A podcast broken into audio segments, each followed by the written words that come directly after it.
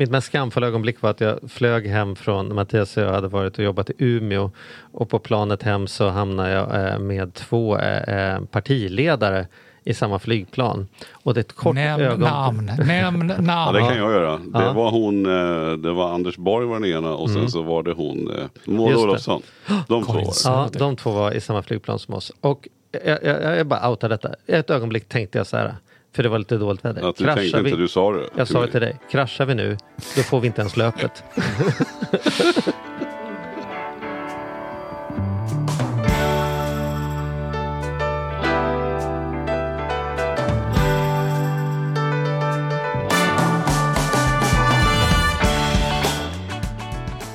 Hej och välkomna till Ekonomi på riktigt med Charlie och Mattias. En podcast om ekonomi i samarbete med Compriser. Eh, Compriser är ju en jämförelsesajt där man kan jämföra olika privatekonomiska tjänster. Eh, försäkringar, räntor, eller hur Mattias? Ja men så är det. De är Ja. ju, det är väldigt fiffigt att in och comprisa. Mm. Titta över räkningarna när ni ser att det dras räkningar och så titta så här. Hade det funnits ett alternativ? Om inte annat så känns det ju bra att veta om man har det bästa alternativet. Eller i alla fall gott nog så att eh, det är inte värt att byta. Man kan ju utmana Compriser och se hur man ligger. Om de hittar på något bättre än det man själv har, då är det Mm. Exakt bakläxa. så. Hittar de inte på något bättre kan man fira. Mm. Och så hjälper de också till med att göra själva ändringarna om man vill det. Mm, precis så. Vi är jätteglada att de finns och vi är ännu gladare att de eh, är vår samarbetspartner i podden. Ja men det, så är det verkligen. Men du eh, Charlie, du är fortfarande inne i i liksom, så här, nu har ju ändå december tickat på, kommit in här och du, Ja. du, du ser ser oförskämt pigg ut Ja, men egentligen. tack, men jag, men- jag ser ändå någonstans att det, du har inte riktigt Ja, kommit nej. in i jul. Du är lite Nej. kvar i the November rain. Ja, ja, så är det. Jag blir, eller, alltså, det, jag, blir, jag blir trött, så här, fysiskt trött. Som Ja. att, inte så här som att "Åh, jag är trött på dig eller jag tycker det är jobbigt att ha möten, utan jag blir så här, jag blir pömsig. Ja. Men det Eh. vänder ju, nu är det snart Lucia och, och Snart är det midsommar. Nej men, nej, men, nej men nu är vi ju nära jul här. Det blir ju häftigt. Mm. Primus, Ja, men det- jag tycker är längtar. Primus till jul. Eh, Primus är ju en eh, person som har ett sånt jävla rikt liv så han längtar ju aldrig till något för att det pågår så mycket roliga saker i hans, hans liv hela tiden. Så det är inte som att han sitter hemma i ett mörkt hörn och bara hoppas på att vi ska tända första adventsljus. Det, vet, det är Nej, inte... nej, det förstår jag. Men, men är han ändå eh, spänn, spänd inför ju? Det är ändå skolaktiviteter och snart skolavslutning. Och. Mm. Nej, jag upplever inget sånt. Jag upplever att det är fullt ös, medvetslös och bara pågår en massa spännande grejer. Ja. Han är väldigt mycket i att sköta sig själv. Så att han går hem och fixar sitt eget mellanmål och han har kompisar som kommer hem själv. Han går och hämtar dem vid tunnelbanan. Alltså, så, han, han växer väldigt mycket nu i att få göra saker själv och vara hemma utan barnvakt. Men om vi är på en restaurang några kvarter därifrån tycker han är liksom det bästa gåvan han kan få är att få liksom göra själv. Han Ja, spelar häftigt. dataspel med mamma där han har en egen karaktär. Och sånt. Eller Så, så, det är mycket självgrejen som pågår. Vad roligt. Och du, eh, det är Nobelveckan. Det är ju det som är så Mm. väldigt mycket uppståndelse kring just nu. Vilket som sig bör. Mm. Men eh, vi behöver inte sitta och spekulera när det finns en som kan mycket, mycket mer om Nobelfesten och eh, priserna och alltihop. Eller hur? Vi hade ju honom i studion, ska vi vara helt ärliga kan vi säga, vi hade honom i studion för en liten stund sedan och eh, det är som det blir ibland när man har, har Mikael, professor Mikael Dahlén här, det är ju att vi bara börjar prata och sen, sen så sätter vi igång och sätter igång. Så att det samtalet finns ju. Det här gör vi som en liten nu, herregud, nu gick han och sprang vidare eh, inledning. För det samtalet vet vi inte riktigt Nej, han gick för exakt fem minuter sedan Vi och vi bara började i- babbla. vi struntar i hur det började utan vi kan väl liksom bara ni får kasta er rakt in i ett spännande samtal som kommer sträcka sig från skumtomtar och nagellack till eh, fattigdom och eh, pristagare och dödsrunor och eh, eh, framförallt mycket kring eh, Nobelpris och eh, forskning. Mm. Eh, så att, eh, ja. Enligt, enligt min mening och de jag har träffat, Sveriges skönaste professor. Varsågoda.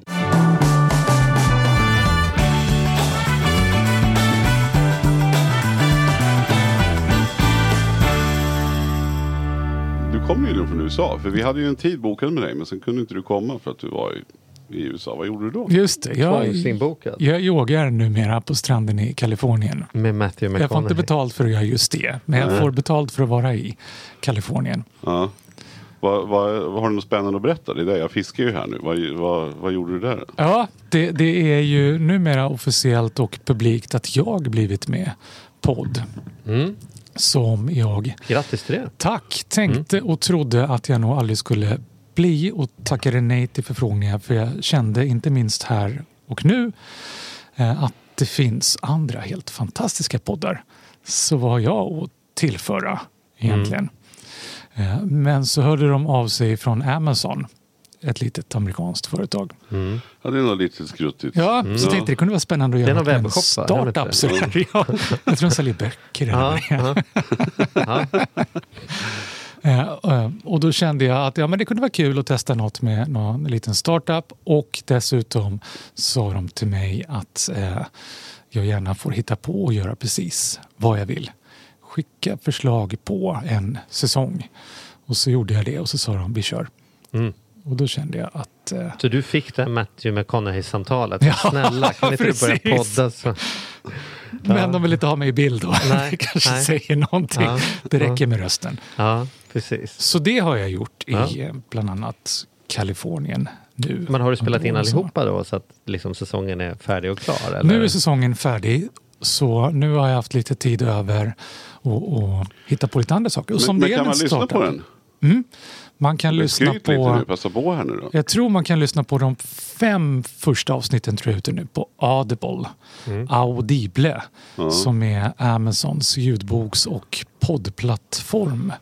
Som råkar vara världens största plattform tror jag. Så det är väldigt kul att få bli lyssnad på över hela världen. Och vad heter den då? Vad söker man på? den heter Curious. Nyfiken på ren engelska. Curious with Mikael Dahlén. Mm. Wow, vad Jag tyckte det svenska Micke Nyfiken var, var, Ja, men den var rolig. det var väldigt fyndigt. Jag trodde det var där det började, började i namnet. fick bli Micke Nyfiken. recenserad i Aftonbladet. Det Mm. var lite läskigt när Mm. någon skickade mig, det första man ser är rubriken, recension kolon.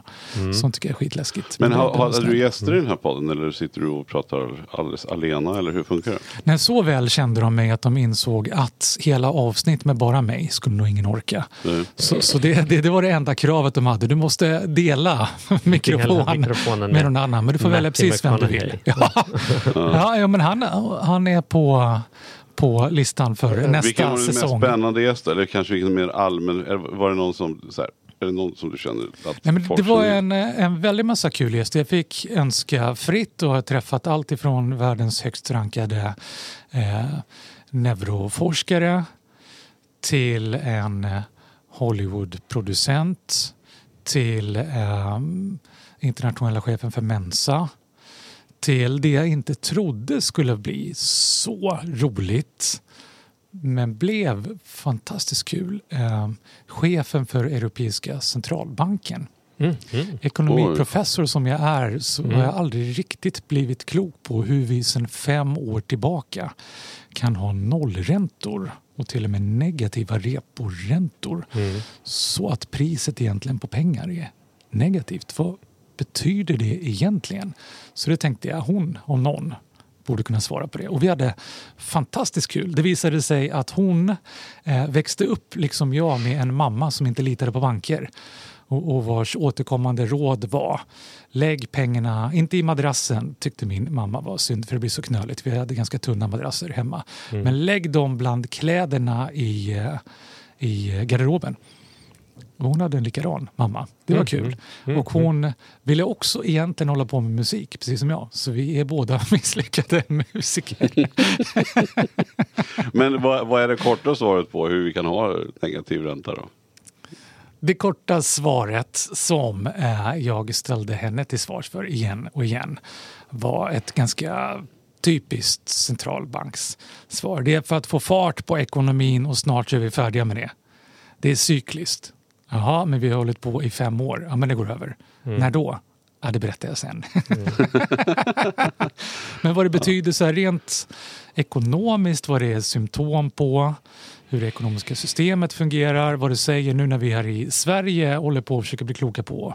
Blir det lågkonjunktur? Nu är vi redan i en lågkonjunktur. Mm. Hur funkar det där? Man har gjort om hela definitionen för en lågkonjunktur. Vad betyder det Mm. egentligen? Och rent så här filosofiskt också. Mm. Vad är värdet Mm. på pengar? Mm. Som jag fick lära mig att räkna på. Ja, du kan räkna ut räntan och veta. Om du Mm. avstår pengar ett tag, då vet du vad värdet på pengar är. Hur Ja. mycket du måste få igen då. Jag får inte igen något. Nej, vad är värdet då? Ett fantastiskt avsnitt. Spännande. Väldigt kul som går Vad att roligt. lyssna på på Audible. Curious with Ja. Mikael Dahlén. Tack ja, snälla för curious. frågan. Mm. Härligt. Härligt. Då tar vi den där. Men vi, har, vi har ju grottat i det här själva rätt mycket i, i, under hösten. Ja, med, en av de intressantaste svaren vi kom fram till där var väl eh, att vi fick svaret att idag är det så många andra faktorer. Vi har det så bra ekonomiskt i Sverige i kombination med ett ökat miljösamvete och andra saker så att det faktum att vi marginalnyttan av att det blir billigare att låna pengar liksom, så spelar ingen roll. Vi köper inte fler tröjor i alla fall för att Nej, det är det är för andra faktorer som styr liksom våra konsumtionsbeteende. Så man kan sänka räntan hur mycket man vill. Det får inte mer fart på handeln i alla fall. Typ. Ja. Nej, och, och min dotter folklig. hade, hade, hon går i nian nu och har prov i samhällskunskap. Hon tycker det är jättekul och jag tycker det är jättekul att prata om det med ekonomi och globalisering. Och, men framförallt just det här med lågkonjunktur, högkonjunktur och BNP och kunna förklara lätt vad det där är. Mm. Och med just den här frågan varför vi har minusräntor, den är ju inte lika lätt att förklara. Eller lika lätt att förstå och se logiken i. Nej, vi kan inte Hade definiera. man bara inte kommit ner dit hade man kunnat förstått att det liksom, eller då är det ju lättare.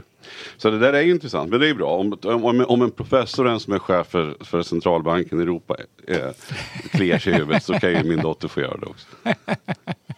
Jag kan Din, din ett- dotter kan med rätta säga det uttrycket, därom tvistar de lärde. ja, det kan hon. ja, vad härligt. Men Vilket du- man ofta säger och säger inga lärde som sitter och tvistar någonstans. Men här var det faktiskt precis så. Men vi tänkte prata lite grann om eh, Nobelpriset idag. Apropå de lärde. Apropå Bra, de vilken lärde. jävla övergång. Ja, Så gärna. Ja. Snyggt. Ja. Segway. Vi tänker att vi, vi eh, sänder detta nu när det är Nobelvecka. Cool. Så nu är, är Nobelvecka och då är man ju sugen på att höra. Finns det något inledande att säga om Nobelpriset? Jag har ju hört eh, världens bästa historia om hur Nobelpriset uppstod som jag nu har förstått är helt felaktig. Tyvärr. Men den är ju så bra så att jag vill nästan dra den. Har, har ni hört den historien? Jag hör ju att du fiskar efter att vi båda kan säga Nej, men, ja, men jag vet berätta inte, har ni hört den eller? Nej, det vet jag, vi inte jag har förrän vi inte hört. Ja, det, en fransk, eh, eh, när Alfred Nobels bror dog så var det en fransk tidning som av misstag satte ut fel dödsruna. De satte ut Alfred Nobels dödsruna istället för hans brors. Så att, så att han fick vakna upp och läsa i en tidning liksom sitt eget eftermäle. Han kunde läsa vad det skrevs om honom i tidningen när han dog för att de hade tagit fel. Så var han inte nöjd med det. Och så läste han och så stod det här med mannen som profiterade på, på eh, dynamiten och ligger bakom så här många människors död och, och liksom industriell tillväxt och grejer.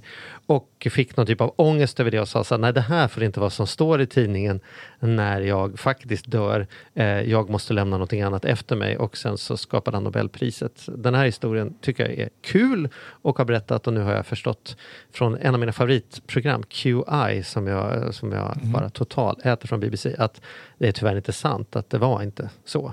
Men det är en sån bra historia så att man önskar att det vore sant. Det där låter som en app som om den inte redan finns kommer finnas snart. Mm.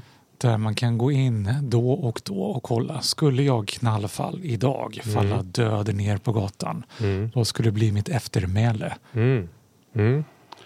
Oj, Nu vart du sugen. Eller hur? Ja. En, en, en, en robot som, som scannar. Vad, vad finns det för allmän Ja. kännedom Ja. om mig? Mm. Och vad är mest salient? Ska det kokas ner till en kort runa på vad det nu kan vara? Jag har faktiskt ingen aning. Vad är det? 500 tecken gissar jag bara. Mm. Mm. Sådär. Mm. Det beror Eller en gravsten. Som, ja, precis. Hur mycket utrymme man får. har man varit statsminister så kanske man får Ja, en men det, det är en sida. ytterligare dimension. Det ena är att veta vad kommer det stå, det andra är hur mycket utrymme blir det. Ja. Och så ja. kan man så kanske ha som, som, som mål, som nyckeltal, vilka medier man vill synas i. Eh, säg att man är en tabloid som fortfarande går att köpa i pappersform. Hur långt fram i tabloiden? Kan man få första sidan? Nej. Mittuppslaget? Nej. Kan man få sidan tre? Ja. Mm. Något sånt där. Var inte det Men spännande? det Det beror ju mest mycket på hur du, det beror ju på hur du går bort förstås. Ja, ja, ja. Om man dör i strypsex i ett hotellrum i Thailand då får man mer medutrymme än man, man fick en stroke. Liksom. Den är också spännande. Det finns ju appar för eh, eh, som uppskattar hur länge du kommer leva, vilken dag du förmodligen kommer dö och det finns också appar som eh, gissar hur du kommer dö. Mm. Men Oh, tänk, shit. tänk att också där kunna göra den Mm. bedömningen. Folk önskar jag skulle dö på det här och det här Mm. sättet. Men, men precis som, som ni säger, det borde ju kunna påverka ditt eftermäle. Så om man liksom även där kunde lägga in i appen Mm. Mm. vad man har för möjliga preferenser så skulle den kunna värdera och säga men satsa på det här. Satsa på strypsexet. Ja. Eller Ja. instifta ett pris. Har du instiftat ett pris, ja, men då kan du dö omgiven bland vänner hemma i din säng. Men har du inte gjort det, då får du jäkla med bli strypsex. Så Finns det någon formel för hur snabbt en podd urartar som skulle handla om Nobelpriset?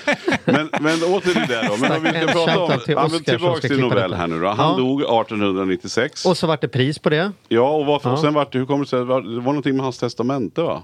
Han dog, Ja, han, testat med, han testamenterade pengar till en stiftelse. Vet du som hur det- har namnet Nobelstiftelsen. Hur går det för Nobelstiftelsen? Finns det mer pengar nu än vad det fanns förut? Går de liksom ihop sig eller äter man upp sin egen?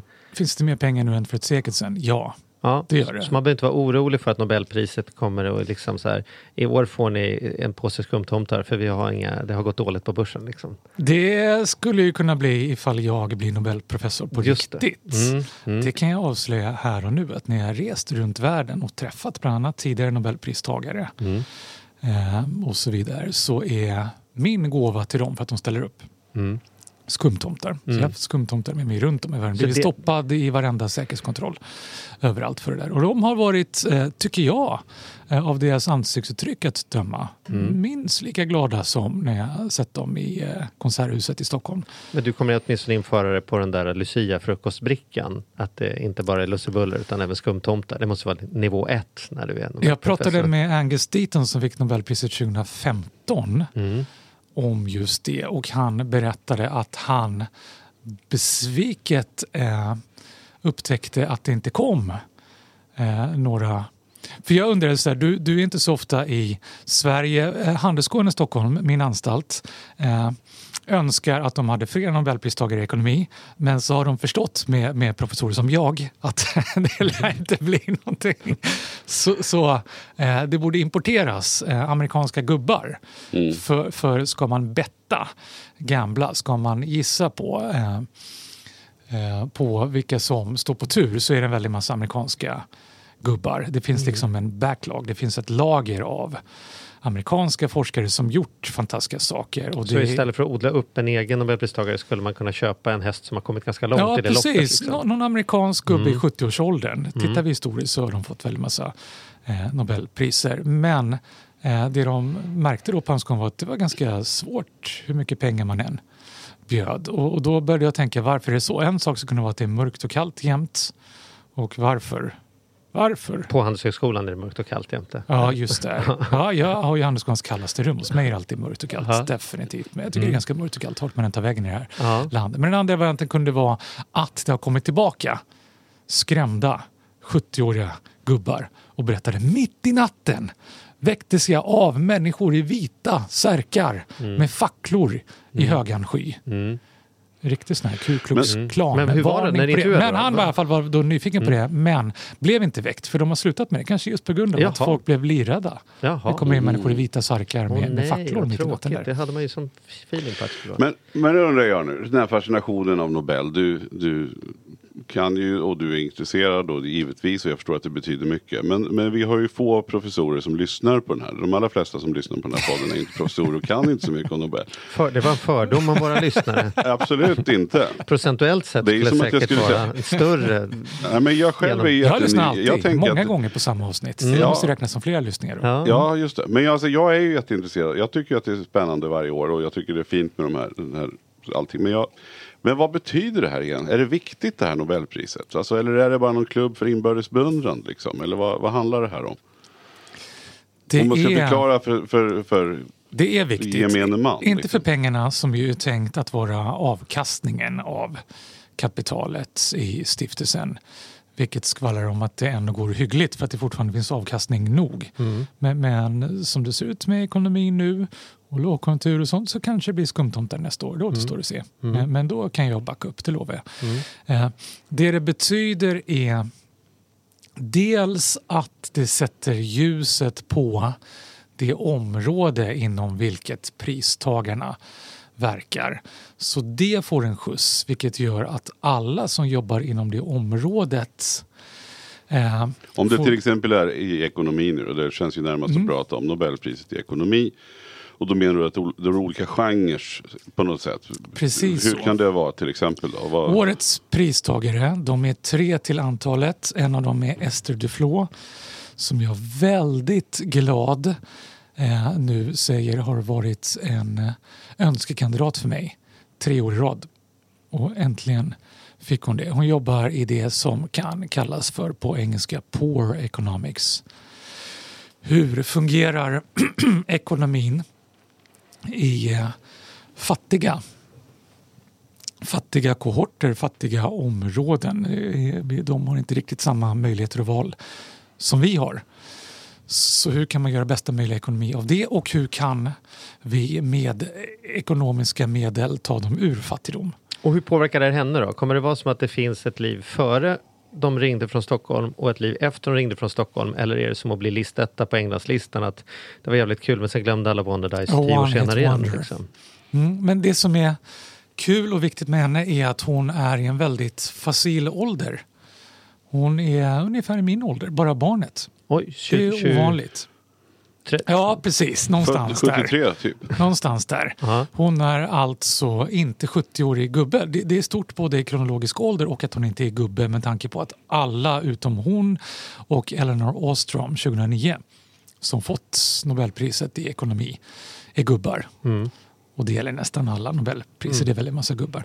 Så, så hon har ju fortfarande oceaner av tid att använda den här hävstången. Det innebär att hon Och det har... kommer vara en hävstång. Hon kommer för alltid kunna hålla i sin eh, sätta på sig medaljen och peka och folk kommer säga så här, ja säger hon det som har fått Nobelpriset, då, då, då böjer vi oss här. Liksom. Ja, dels så dels är så ju forskning eh, till stor del offentlig sektor.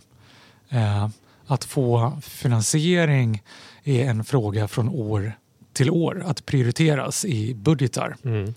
i offentligt eller via en massa olika stiftelser. Och att då ha fått Nobelstämpeln att det här är den absolut högsta kvaliteten gör det lättare att få fortsatt finansiering. Ökar också intresset för och möjligheterna att samverka med, med andra forskare. Mm. För, för forskning är väldigt mycket ett lagspel, att, att verka tillsammans.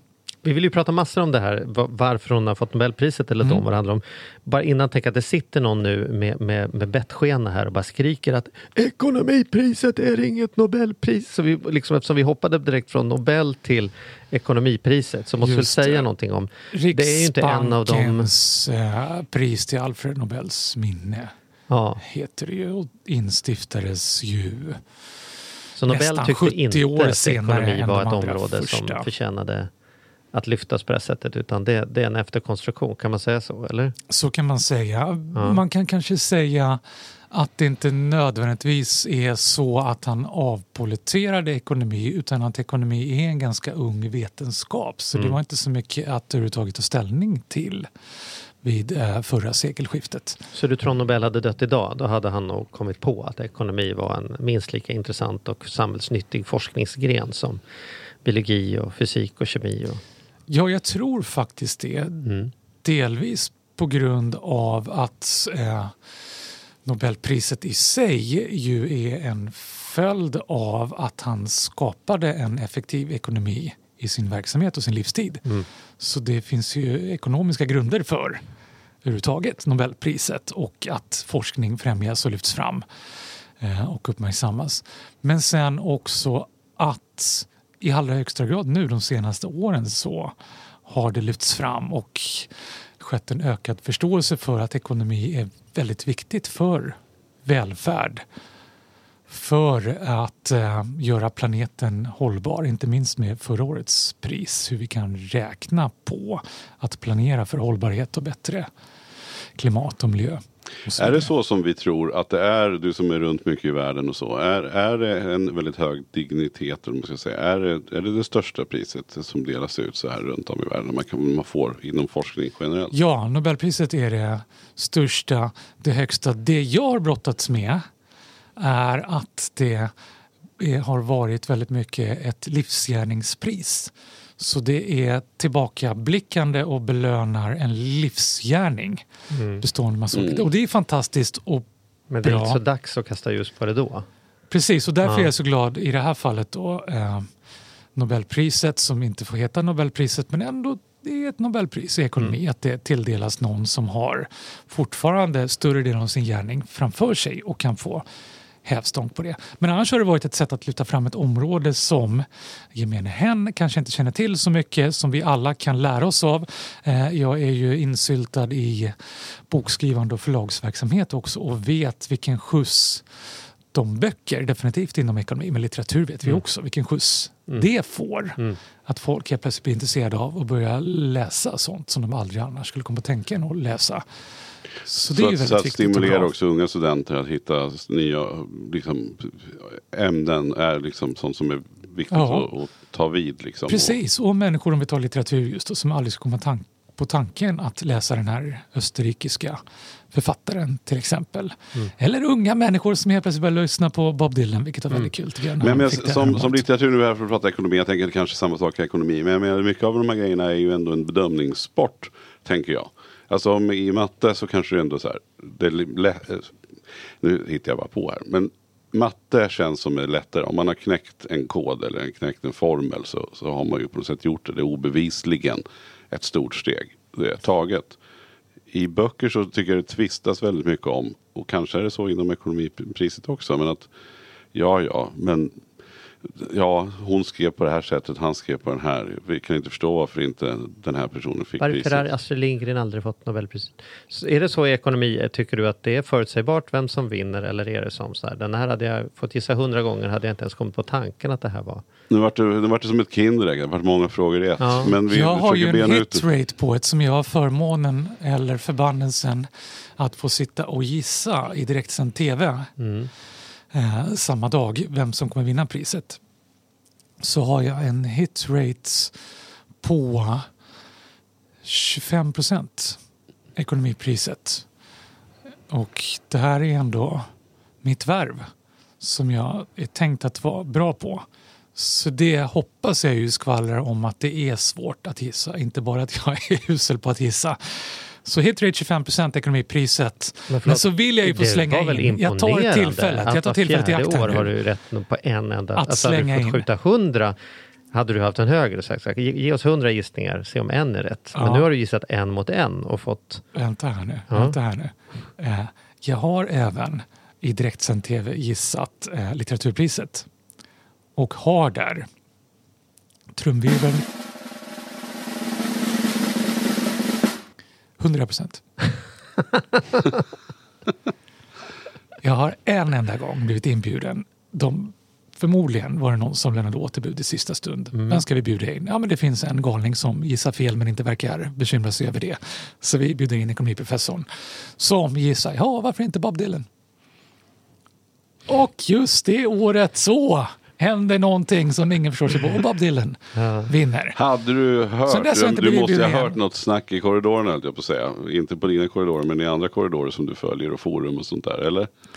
Jag tror jag tvärtom. Det- det finns Nobelstiftelsen att där i det panik väl- vem ska vi ta, vem ska vi ta? Det, det finns väl två vinklar på det där. Det ena är att vis av erfarenheten att jag inte har en fantastisk hitrate på Gissa ekonomipriset som är mitt gebit. Mm. Så känner jag så här, sannolikheten att jag gissar rätt på litteratur är väl avrundat i hela procent noll. Så ska jag gissa fel så kan jag väl lika gärna gissa fel med flärd. Ja, precis. Gör det ordentligt. Så det hade jag väl mer eller mindre bestämt mig för. Men sen tänkte jag också, det hade bytts ganska mycket folk i akademin. Det här skulle kunna vara ett läge när de vill göra ett avtryck. Tänka lite nytt, tänka lite annorlunda. Vad är det ungefär för ålder på dem? Och det, det var ett tag sedan det var en amerikan och amerikaner står på tur där till skillnad från ekonomipriset där det ofta är amerikaner så är det inte så ofta i litteratur men däremot många som står på tur. Okej, ska det vara en amerikan göra ett avtryck för, för nya besättningen eh, och tänka lite annorlunda och den åldern så ja, varför inte? Apropå tänka annorlunda. Mm. Finns det något Nobelpris som du saknar tycker du? Som, att nu, som borde instiftas i år. Om jag och Mattias cashar upp här och så skapar vi ett till som är liksom på riktigt poddens pris till minne av Alfred Nobel. Finns det en forskningsgren som har bubblat upp de senaste hundra åren så pass mycket så att det är lite konstigt vid det här laget att den inte har något Nobelpris. Ja, men det finns ju flera. Nu, nu är ju ekonomipriset på något sätt en proxy och uppsamling för alla samhällsvetenskaper egentligen. Mm. Resten, visst litteraturpriset är ju humaniora men det är inte en, det är inte en litteraturforskare som vinner utan en, en författare. Så, så, i övrigt så buntas ju det där samman i ekonomipriset som ibland har drag åt psykologi, sociologi och andra avseenden. Men de tycker jag ju skulle förtjäna egna priser. Mm. Psykologi till exempel. Mm. Mm. Varför inte sociologi också? Ja, det finns flera mm. där. Ja, ta, oss, ta oss tillbaka nu till årets pristagare. Mm. Så vi får lite, vad, vad, om man nu är, är en vanlig svennebanan som jag, hur, kommer, hur har den här forskningen, vad, hur påverkar den mitt liv och gör den bättre eller mina möjligheter att göra kloka val? Eller, liksom. uh, vad är tesen här som jag ska suga åt mig? Nu när vi har kastat ljus på det här området. Det finns flera olika avseenden där, för, för det blir ofta lite en sammanbuntning av vad forskarna har gjort. Så, så det är väl egentligen två saker det kokar ner till. Ska säga. Det ena är att fattigdom har en ekonomi som går att påverka och en väsentlig del av det är att eh, hjälpa de fattiga att hjälpa sig själva ut ur fattigdom medelst exempelvis eh, utbildning. Det fattas väldigt många fattiga. De har inte eh, tillgång till utbildning. De har inte möjlighet, även om det finns tillgång, att tillgodogöra sig den utbildningen. Därför att de till exempel måste jobba hemma från det de är några år gamla eller att det är för långt och svårt att ta sig till den här skolan. Eller att om de faktiskt tar sig till skolan så är det så många barn att de inte får den tid och uppmärksamhet som krävs för att faktiskt tillgodogöra sig utbildningen i klassrummet. Sånt brottas vi ju med även i, i Sverige för många elever. Eller att det inte räcker med läroböcker eller att det inte finns någonting att skriva med. Det finns en massa olika sådana komponenter. Och det är också en annan del av eh, förtjänsten som belönas. Eh, att det finns många små faktorer. Eh, Ester och hennes kollegor använder sig av rörmokarmetaforen. har bland annat en artikel där de skriver om hur ekonomi är som att vara rörmokare. Det handlar om att se över en väldig massa rör i ett rörsystem. Och det kan vara en, en bult som behöver dras åt eller ett rör eh, bland alla dessa rör i systemet som har rostat. Eller det är kranen det är fel på. Det är att, att, att felsöka och hitta en massa olika fel och beta av dem ett i taget och försöka tänka ekonomiskt. Vilket Eh, är det mest omedelbara vi kan göra som inte löser allt men som bättrar på flödet lite grann och som gör att vi sen kan ta oss an nästa fel i systemet och sen nästa fel. Att inte drunkna som en lätt gör i ekonomi i väldigt stora förklaringsmodeller som ska sättas ett namn på som marxism eller keynesianism eller allt vad det är. Utan att det finns små, små saker vi kan jobba med som tillsammans är stora skillnader. Men skiljer det här sig mot vad forskningen har sagt tidigare? Därför att om någon hade kommit fram till mig på stan och bara sagt så här, tror du att det är lättare för fattiga länder att få fart på sin ekonomi om barnen går i skolan? Så hade jag sagt så här, eh, ja. Det kändes inte som att det var Nobelpriskvalitet på det svaret direkt. Så, här, så det måste ju vara någonting de har sagt kring detta som är som så här, aha, wow, så har vi inte tänkt. Eller shit, det här, alltså så här, är du med? Ja. Vissa Nobelpris känns som att man tänker så här, gud, det, där, det där är helt, jag kan inte ens förstå det. Här känns som att, att ja men det är väl klart att, att det är väl därför vi har skolor och det är klart att man satsar på att rädda barnen. Liksom så här, vad, vad, vad är det? Vore det bättre om vi kunde ta oss till andra sidan av ett svart hål? Ja, säger en fysiker, men det får inte en fysiker heller Nobelpriset för utan en Nobelpristagare i fysik skulle få det för att, som vi ju såg förra året, eh, för första gången kunna fotografera ett svart hål så att vi faktiskt kan observera och bättre förstå det som vi inte kunnat tidigare. Och så småningom kanske kunna förstå hur vi tar oss igenom det och också kunna förklara varför vore det bra att ta sig till andra sidan det svarta hålet. Vad skulle vi vinna på det? Och samma är i det här fallet med ekonomipriset att det är ganska lätt att komma till slutsatsen att det vore bättre om vi kunde bekämpa fattigdom och utbildning vore alldeles säkert ett bra medel att göra. Men, men hur? Mm. Hur skulle det hjälpa? Hur ska vi förbättra utbildningen? Hur kan vi räkna på det? Ekonomi är ju väldigt mycket en stor låda verktyg eller en stor palett med färger och penslar för att bättre kunna måla bilder som vi kan lättare se och förstå och verktyg vi kan använda för att göra de här förändringarna. Prioritera, räkna på det. Det finns en massa saker vi kan göra för att motverka fattigdom.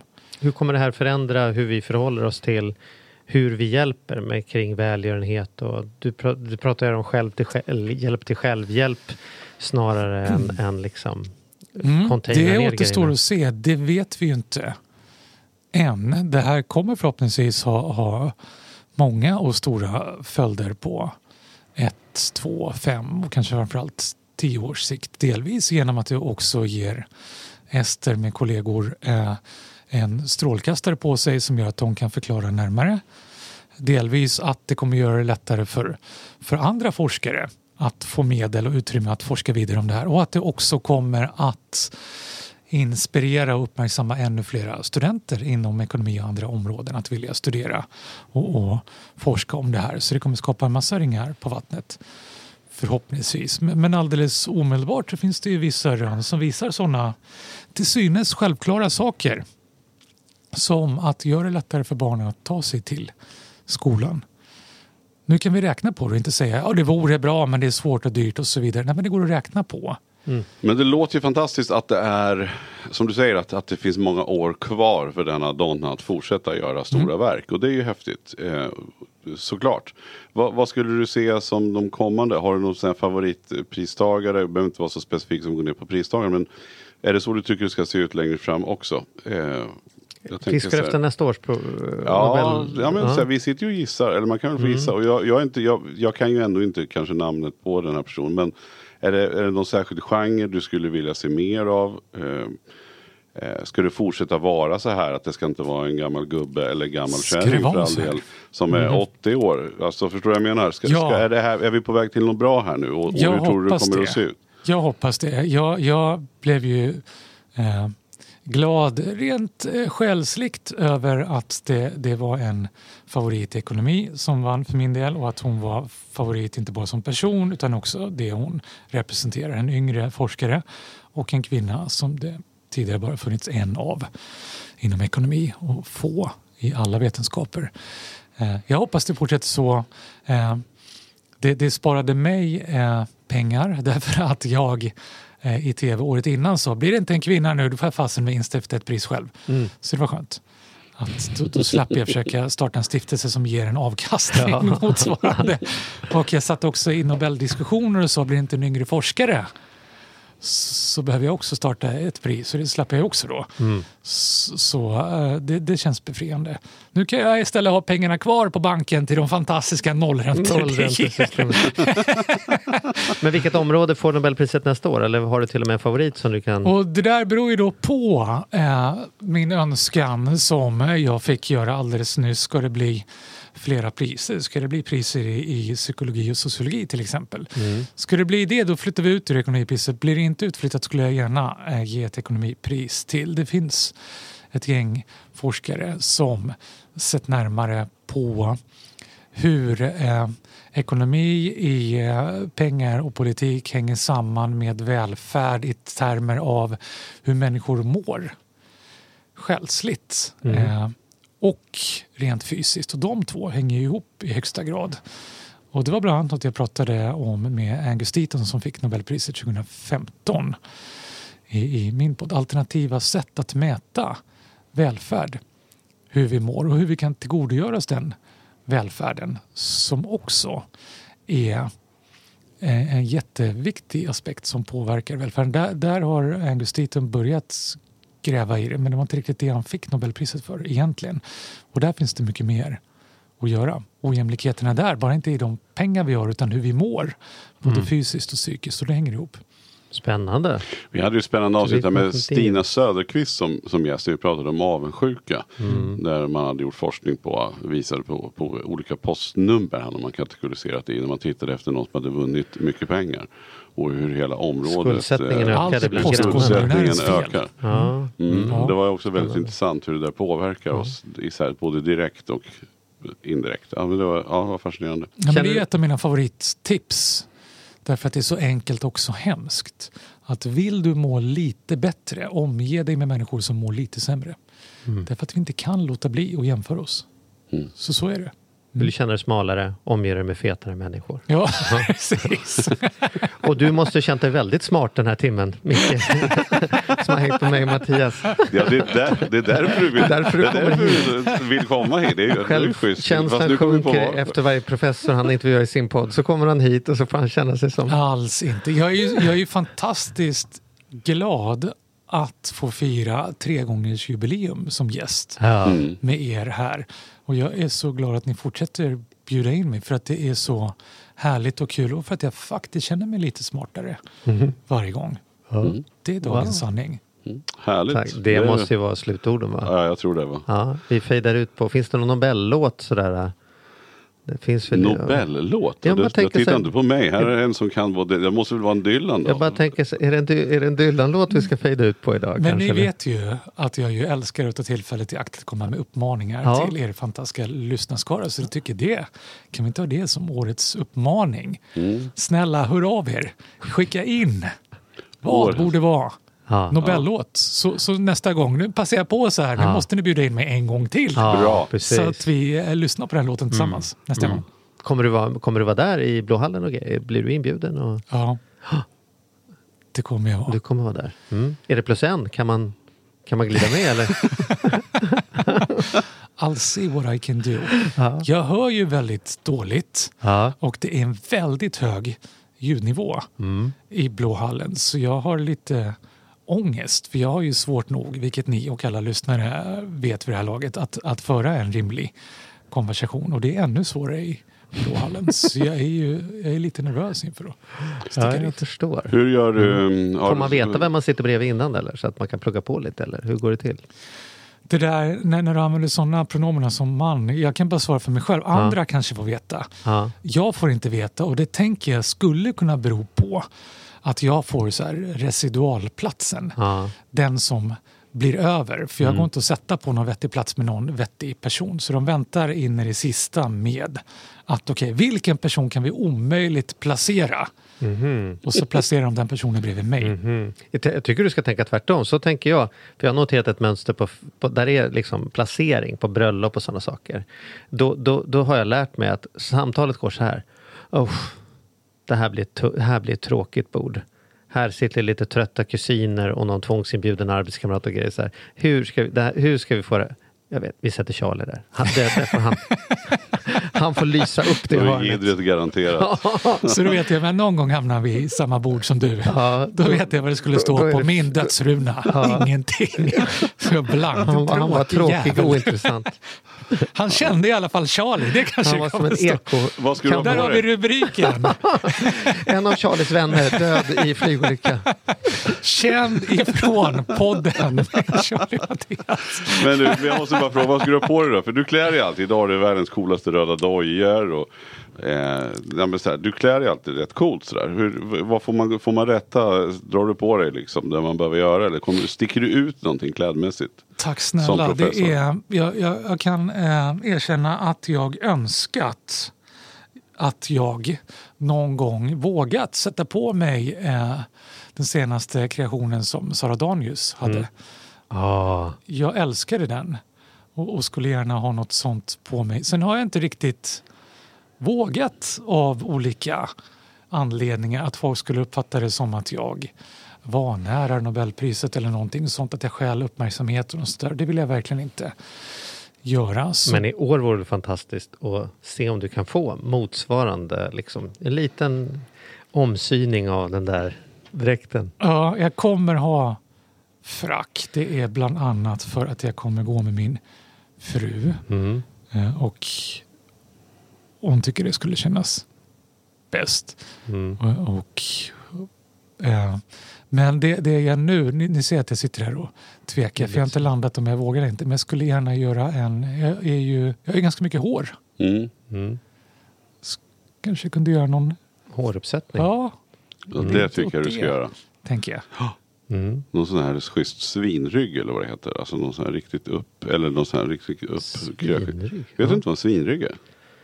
Du Ja, men det var lite konstigt gamla- att du hade så de, flä- flät definition. Jag var bara varit förvånad att det fanns ett flät vokabulär för dig. Så. här. Ja, ja, du ser. Ja, ja. Okej, man men, eh, men kommer du måla på naglarna svarta innan du går in? Eh, just nu är de mörkt lila. Mm. Eh, av den enkla anledningen att min eh, dotter stal alla mina svarta. Mhm. Så det enda jag hade hemma var lila. Men jag gillar lila. Men, men det jag tänker på, det sticker inte ut så mycket så, så det fyller jag också på. Men jag kanske skulle ha rosa eller rött. Det här, ja. Vad, vad, vad här säger är ju? Jag tycker du ska Det här göra en tvåfärgad. Sara Danius hommage nagellack. Det är ingen dum idé. Det är en väldigt bra. Tillräckligt diskret men du kommer ändå vara Ja. tydligt. Skulle du kunna göra oss en tjänst tror du? Nu blir jag nervös. Nu, Kan inte du se till att du får en bild från, på dig från den här galan som vi kan få lägga upp på vår Instagram. Mm. eh, Och presentera i samband med poddavsnittet. Ja Hur- men vad bra, du- det är en där. Det gör också att jag vågar lite mer. Nu kan jag externalisera Ja. att jag måste att, att vi göra bara en får se dig. Hur, så, hur såg han ut Mm. de facto sen? Helbild och närbild på naglarna. Det är perfekt. Det är den bilden de kommer att använda när jag går hädan på ett plan där det sitter Ja. varken Charlie Just eller någon partiledare. Ja. Ja, vi får se. Men det vore kul. En Instagram-bild, men en snygg bild på dig. Det vore väl trevligt Ja. att få. Och gärna på din fru också. Mm, toppen. Vi Vem är vem? ja, just Får ni det. gissa. Mikael Dahlén, det är alltid nära att ha dig här. Det är ett väldigt stort nöje och en ära. Tack snälla. Tack.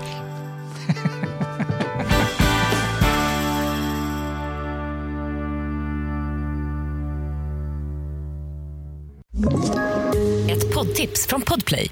I podden Något Kaiko garanterar östgötarna Brutti och jag, Davva, dig en stor dos skratt.